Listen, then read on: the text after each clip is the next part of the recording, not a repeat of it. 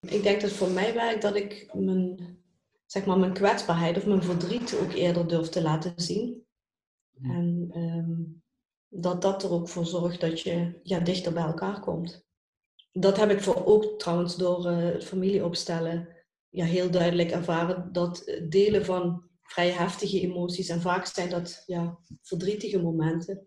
Dat dat toch zorgt dat mensen ja, anders op elkaar reageren en dat die verbondenheid veel dieper wordt.